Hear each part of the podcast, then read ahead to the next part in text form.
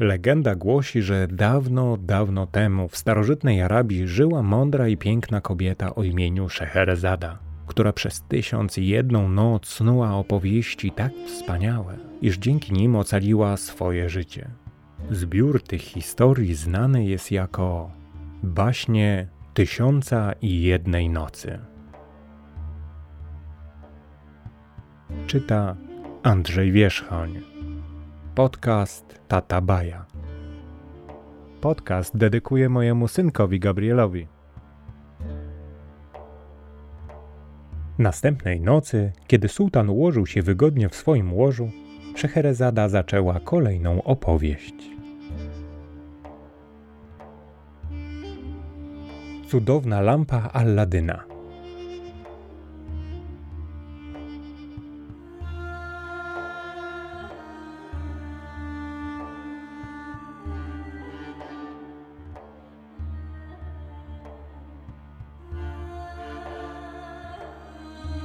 Alladyn jak zwykle wałęsał się bez celu po ulicach swojego miasta, kiedy nagle podszedł do niego nieznajomy mężczyzna ubrany w haftowane szaty. Miał długą brodę i przenikliwe spojrzenie. Czy to ty, Alladynie? Syn krawca? pytał. Chłopak pokiwał głową zaskoczony, że mężczyzna zna jego imię. Jego zdziwienie było jeszcze większe, gdy nieznajomy wydał z siebie okrzyk radości i rzucił się ku niemu z otwartymi ramionami. To ty? To naprawdę ty zawołał? O czym pan mówi? Spytał Aladdin, wyswobadzając się z uścisku. Kim pan jest? Mężczyzna wyglądał na zaskoczonego. Czy twój ojciec, a mój brat nigdy o mnie nie wspomniał? powiedział. Nie, mój ojciec zmarł wiele lat temu, powiedział Aladdin. Mieszkam tylko z mamą. Nieznajomy zaniósł się głośnym płaczem i otarł łzy rękawem. Dlatego właśnie tu jestem, wyjaśnił pociągając nosem. Dopiero teraz dowiedziałem się o śmierci brata i przybyłem, by zająć się ukochanym bratankiem. Wcisnął do ręki Alladyna złotą monetę, mówiąc: Daj to swojej matce, powiedz jej, że na kolację przyjdzie wujek. Niech przygotuje smaczną ucztę. Mam więcej takich monet. Alladyn skinął głową. Mieszkamy w starej pracowni krawieckiej na końcu tej ulicy. Do zobaczenia, wujku. Pożegnał się chłopak i pobiegł do domu. Nieznajomy przyglądał mu się przez chwilę z tajemniczym uśmiechem na twarzy. Aladdin nie mógł wiedzieć, że mężczyzna był złym czarownikiem. Czarownik ów przeczytał czarodziejską księgę, w której napisano, że w podziemnym ogrodzie położonym pod miastem znajdują się magiczne przedmioty o ogromnej mocy. Jedyną osobą, która może go zabrać i nie zmienić się przy tym w kamienny posąg, jest ubogi młodzieniec o imieniu Aladdin.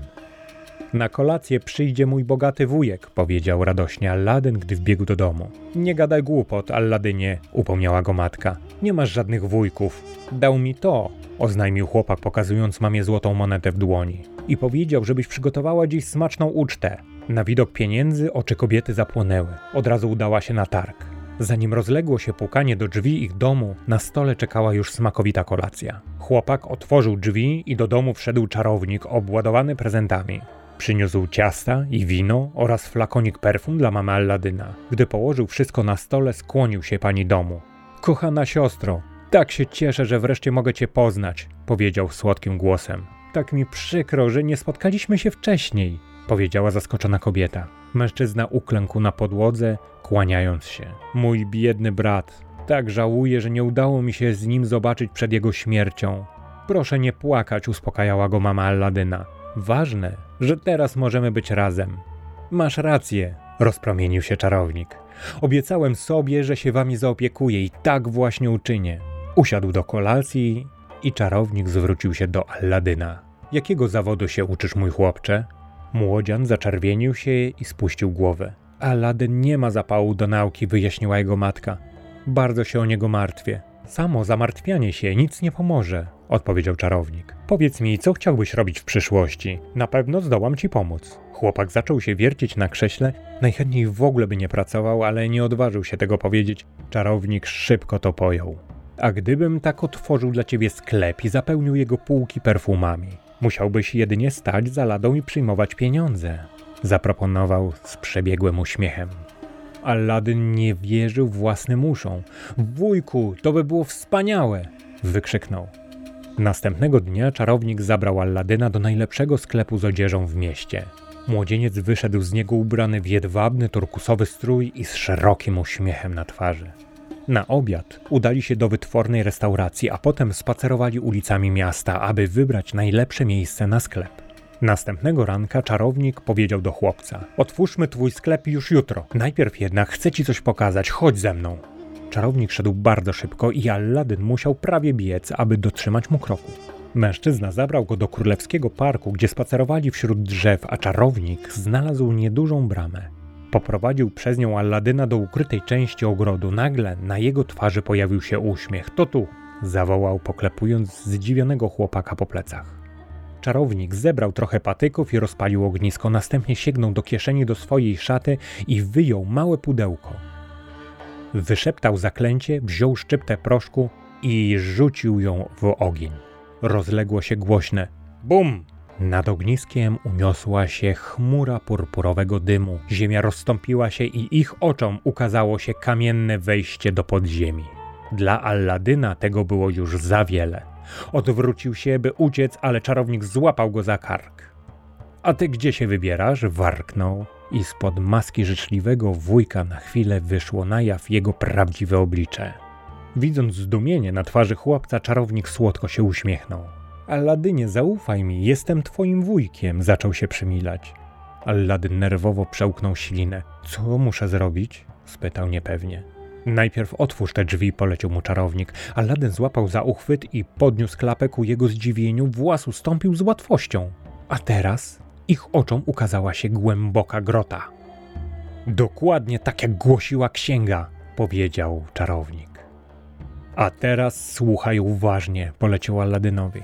Na dole znajdziesz lampę oliwną i mnóstwo skarbów. Jeśli tylko przyniesiesz mi tę lampę, możesz wynieść tyle kosztowności, ile tylko zdołasz udźwignąć.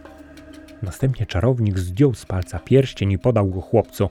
Ten pierścień cię ochroni, powiedział, po czym pomógł Aladynowi wejść do groty. Na końcu groty był korytarz, który prowadził jeszcze głębiej. Aladdin przecisnął się przez wąskie przejście i znalazł się w najpiękniejszym ogrodzie, jaki kiedykolwiek widział, pełnym drzew, których gałęzie uginały się pod błyszczącymi klejnotami. Młodzian przeszedł się po ogrodzie, aż znalazł zniszczoną, wyglądającą całkiem zwyczajnie mosiężną lampę, wiszącą na gwoździu wbitym w ogrodzenie. Nie wydaje się szczególnie cenna, pomyślał. Schował ją jednak za pazuchę i pognał w kierunku drzew. Gdy zebrał tyle klejnotów, ile tylko zdołał unieść, wrócił do czarownika. Wyciągnij mnie, wyciągnij proszę, podał mu rękę. Najpierw podaj mi lampę, odpowiedział mężczyzna. Nie mogę, schowałem ją za klejnotami pod koszulą, wyjaśnił chłopak. Wystarczy, że podasz mi rękę. Czarownik zmarszczył brwi. Nie próbuj mnie przechytrzyć, oddaj mi lampę. Będzie twoja, gdy tylko wyjdę. Podaj mi rękę, proszę, powiedział Aladdin. Czarownik jednak uznał, że chłopak stara się zatrzymać lampę dla siebie i wpadł w szał. Jeśli ja nie mogę jej mieć, nikt jej nie dostanie, zawołał i zamknął ciężki włas tuż nad głową chłopca. Aladdin usłyszał, jak czarownik wypowiada zaklęcie blokujące wejście. Nie zostawiaj mnie tu! Nie zostawiaj! powiedział. Nie doczekał się jednak odpowiedzi. Wreszcie zrozumiał, że został zwyczajnie oszukany. Ten mężczyzna wcale nie był moim wujkiem, łukał. Chciał tylko, żebym przyniósł mu tę lampę. Teraz czeka mnie śmierć, tu, w ciemności. Załamując ręce w rozpaczy, Aladdin niechcący potarł pierścień, który dał mu czarownik. Oślepił go nagły blask, a przed nim pojawił się purpurowy dżin. Co mogę dla ciebie uczynić, panie? spytał tubalnym głosem. Aladdin zamarł z przerażenia. Nigdy wcześniej przedtem nie widział dżina. Kim lub czym jesteś? powiedział. Jestem dżinem z pierścienia, oznajmił dżin. A ponieważ to ty masz teraz na palcu pierścień, tylko ty możesz rozkazać mi, co tylko zechcesz. Czy możesz pomóc mi się stąd wydostać? spytał Aladdin. Twoje życzenie jest dla mnie rozkazem, odpowiedział Jin. Wszystko spowił obłok dymu i po chwili Aladdin stał przed swoim domem. Wpadł do środka i o wszystkim opowiedział mamie. Nie powinnam była ufać temu mężczyźnie, powiedziała kobieta. Dobrze, że jesteś już bezpieczny. A do tego, dodał Aladdin, przyniosłem kilka rzeczy, które sprzedam teraz na targu. Wysypał na stół drogocenne klejnoty i postawił obok lampę oliwną. Jego matka zamilkła na chwilę, po czym spojrzała na starą lampę. Gdyby ta lampa nie była taka brudna, może i udałoby się ją jakoś sprzedać, zauważyła. Wzięła lampę do ręki i potarła, by wytrzeć ją do czysta. Wtem pokój spowił obłok dymu i ich oczom ukazał się ogromny niebieski dżin. Co mogę dla was zrobić? Spytał tubalnym głosem. Matka Alladyna spojrzała na dżina i zemdlała z wrażenia. Alladyn, który zdążył już się oswoić z dżinami, rozkazał: Przynieś nam proszę coś do jedzenia. Twoje życzenie jest dla mnie rozkazem, powiedział dżin, po czym zniknął, by po chwili wrócić z kilkoma złotymi półmiskami pełnych smakowitego jedzenia. Postawił je na stole i znów zniknął. Alladyn ocucił mamę. Czy już sobie poszedł? spytała kobieta, gdy odzyskała przytomność. Niczym się nie martw, powiedział Aladdin. Usiądźmy i najedzmy się dosyta. Ani Aladdin, ani jego matka nigdy nie kosztowali tak wyśmienitego jedzenia. Kiedy skończyli się posilać, młodzieniec przyjrzał się talerzom. Muszą być warte monetę lub dwie, stwierdził. Lecz czy możemy je sprzedać? Mama Aladyna miała wątpliwości. Przecież przyniósł je dżin. Nie powinniśmy z nim zadzierać. Lepiej pozbądźmy się tej lampy. O nie! Obruszył się Aladdin. Dzięki tej lampie będziemy mogli mieć wszystko, czego zapragniemy. Po południu chłopak zabrał złote talerze na targ i wrócił do domu z pokaźną sumą. Kiedy jego mama zobaczyła, ile przyniósł pieniędzy, pozwoliła mu zachować lampę. Przez kilka tygodni Aladdin i jego matka żyli w dostatku. Każdego wieczoru Jean przynosił im wyborny posiłek, a co rano chłopak sprzedawał złote talerze, na których Jean serwował im potrawy.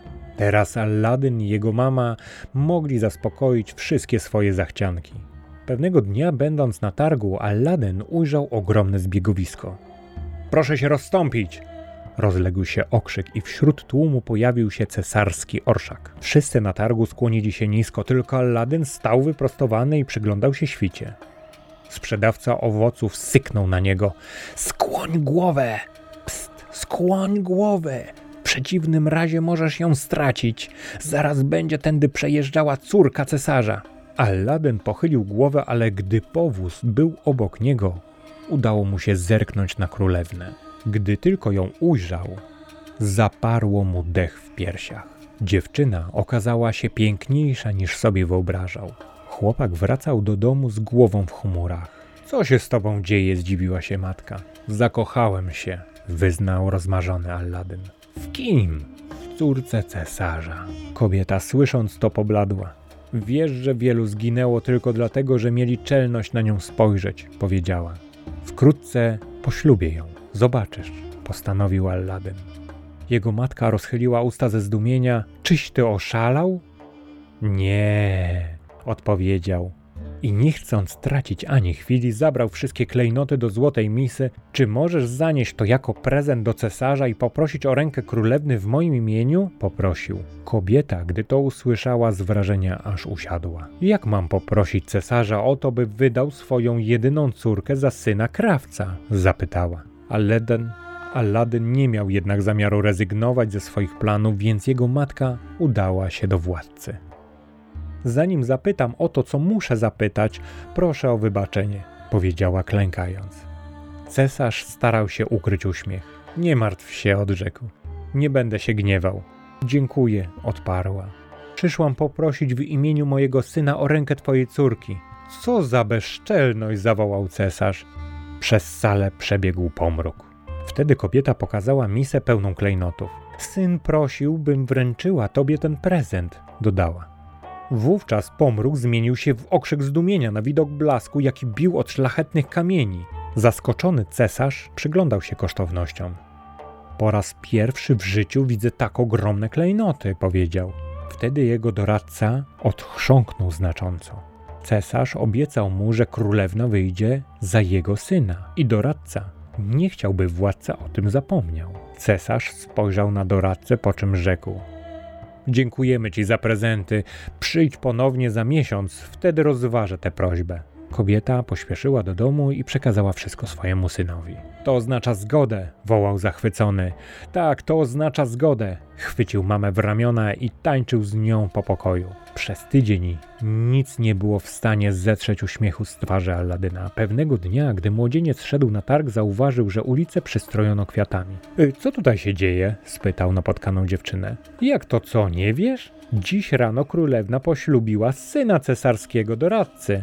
Aladdin patrzył na nią zdumiony. Przecież obiecano ją mnie! zawołał i pobiegł wprost do domu, wśród śmiechu zgromadzonych. Przez cały dzień Aladdin chodził po izbie, zastanawiając się, co powinien zrobić. Wieczorem, gdy jego matka już spała, potarł lampę. Chciałbym, byś sprowadził tu królewnę, a jej męża zabrał na szczyt ośnieżonej góry. Twoje życzenie jest dla mnie rozkazem, odparł Jean. Kilka chwil później przed młodzieńcem stanęła zaskoczona królewna. Czy jaśnie? Nie bój się, powiedział łagodnym głosem. Usiądź proszę koło mnie i porozmawiajmy przez chwilę.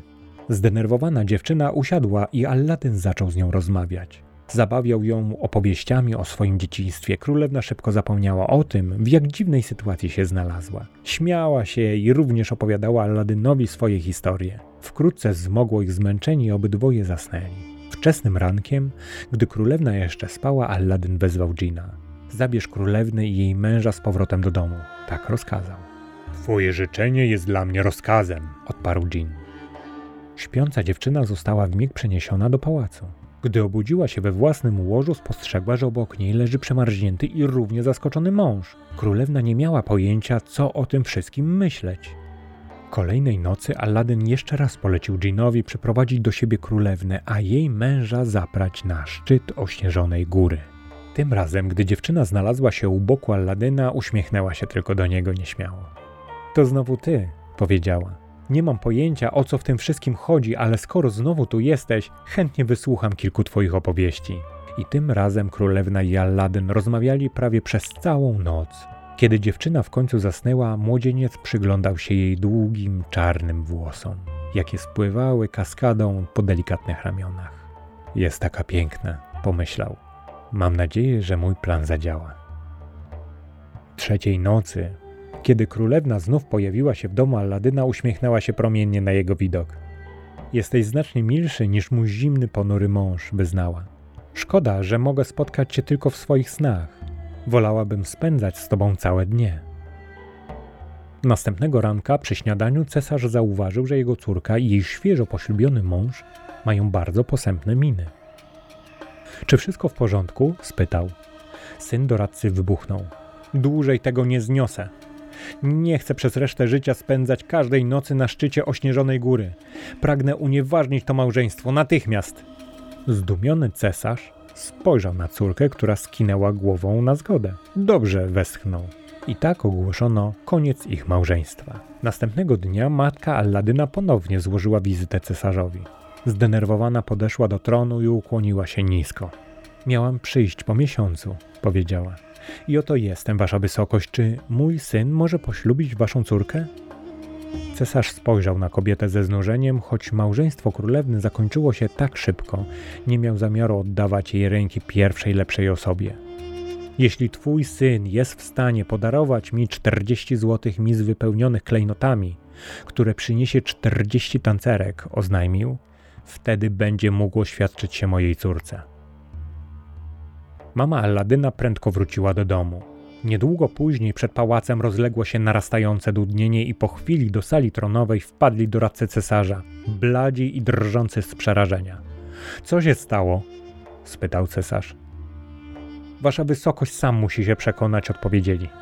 Gdy władca wyszedł przez pałac, nie wierzył własnym oczom. Słychać było, jak rozbrzmiewały trąby, dzwoniły talerze i piszczały piszczałki. Do budynku zbliżało się 40 tancerek niosących 40 złotych mis. A misy te były po brzegi wypełnione klejnotami. Za tancerkami szło 40 słoni, na których jechało 40 muzyków. W środku tego pochodu na białym koniu podążał Aladdin. Młodzieniec wyglądał jak prawdziwy książę. Cesarz podszedł do niego i chciał go powitać. Wasza wysokość, przyjechałem prosić o rękę waszej córki, oświadczył Aladdin. Władca mógł tylko skinąć głową na zgodę. Dał znak ręką i po chwili przyprowadzono dziewczynę. Kiedy królewna ujrzała Alladyna, uśmiechnęła się szeroko. Czy wyjdziesz za mnie? spytał Alladyn. Tak, odpowiedziała z radością.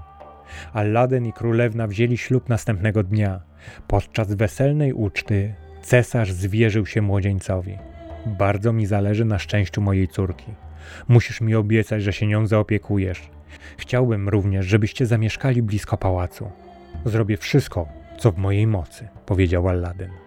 Gdy rano cesarz wyjrzał przez okno swojej sypialni, nie mógł wyjść ze zdziwienia. Tuż przed jego siedzibą stał zupełnie nowy pałac. Pojawił się znikąd i był to nie byle jaki pałac. Miał różowe ściany oraz setki smukłych wieżyczek i kopuł. Gdy władca wyszedł na zewnątrz, spotkał Alladyna i królewnę. Gdy władca wyszedł na zewnątrz, spotkał Alladyna i królewnę, którzy właśnie podziwiali budowlę. Czyż nie jest wspaniały? spytała dziewczyna. Cesarz musiał się z nią zgodzić. Kilka tygodni później, gdy Aladdin pomagał swojej mamie przenieść się do nowego domu, królewna usłyszała głos dobiegający z przed pałacu. Wymieniam stare lampy na nowe, wymieniam stare lampy na nowe, wymieniam stare lampy na nowe. Dziwne, pomyślała, ale zaraz przypomniała sobie o zniszczonej lampie, którą Aladdin przyniósł ze sobą z rodzinnego domu i postanowiła, że zrobi mu prezent, wymieniając ją na nową. Wybiegła przed pałac, gdzie zobaczyła dziwnego mężczyznę o przenikliwym spojrzeniu. Stare lampy na nowe, stare lampy na nowe, wołał nieustannie. Ja mam starą lampę, powiedziała królewna i podała mu zniszczoną lampę. Na widok tego przedmiotu oczy mężczyzny zapłonęły. Podał królewnie nową, piękną, błyszczącą lampę i szybko się oddalił. Kiedy Aladdin wrócił do domu po królewnie i nowym pałacu, nie było już ani śladu. Cesarz siedział przed swoim pałacem, a po policzkach spływały mu ogromne łzy. Gdzie jest moja córka? Gdzie jest moja córka? Płakał. Nie wiem, powiedział ze smutkiem Aladdin, ale odnajdę ją i przyprowadzę z powrotem, obiecuję.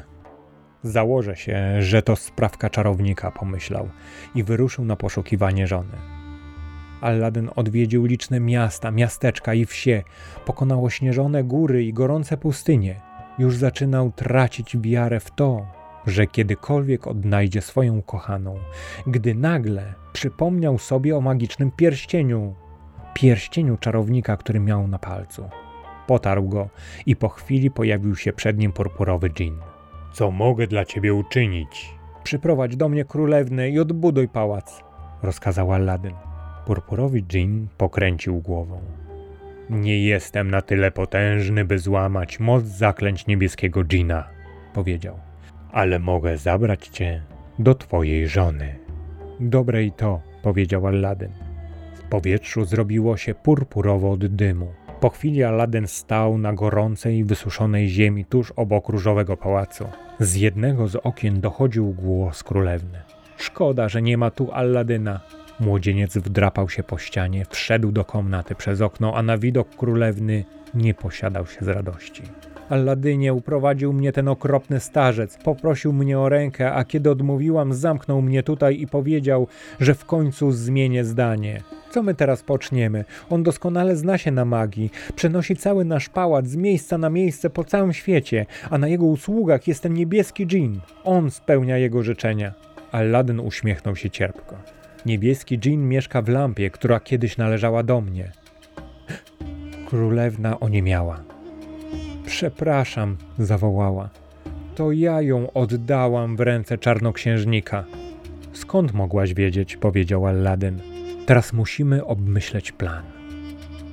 Kiedy czarownik przyszedł odwiedzić królewnę następnego ranka, spostrzegł, że dziewczyna włożyła swoją najpiękniejszą suknię i uśmiechała się teraz do niego bardzo życzliwie. Czyżbyś w końcu zmieniła zdanie? Ucieszył się na ten widok. Być może, odpowiedziała. Czy nie moglibyśmy się lepiej poznać przy obiedzie? zaproponowała. Czarownik wykrzywił usta w uśmiechu i zatarł z radości dłonie. Królewna wzdrygnęła się z obrzydzeniem. Przyjdę po ciebie później, zapowiedział czarownik. Kiedy wyszedł, w oknie komnaty pojawił się Aladdin i podał żonie buteleczkę z płynem. Dżin z pierścienia Dał mi ten napój usypiający, powiedział. Musisz go po prostu wlać dyskretnie do kielicha czarownika. Po południu czarownik poprowadził królewnę do jadalni na obiad.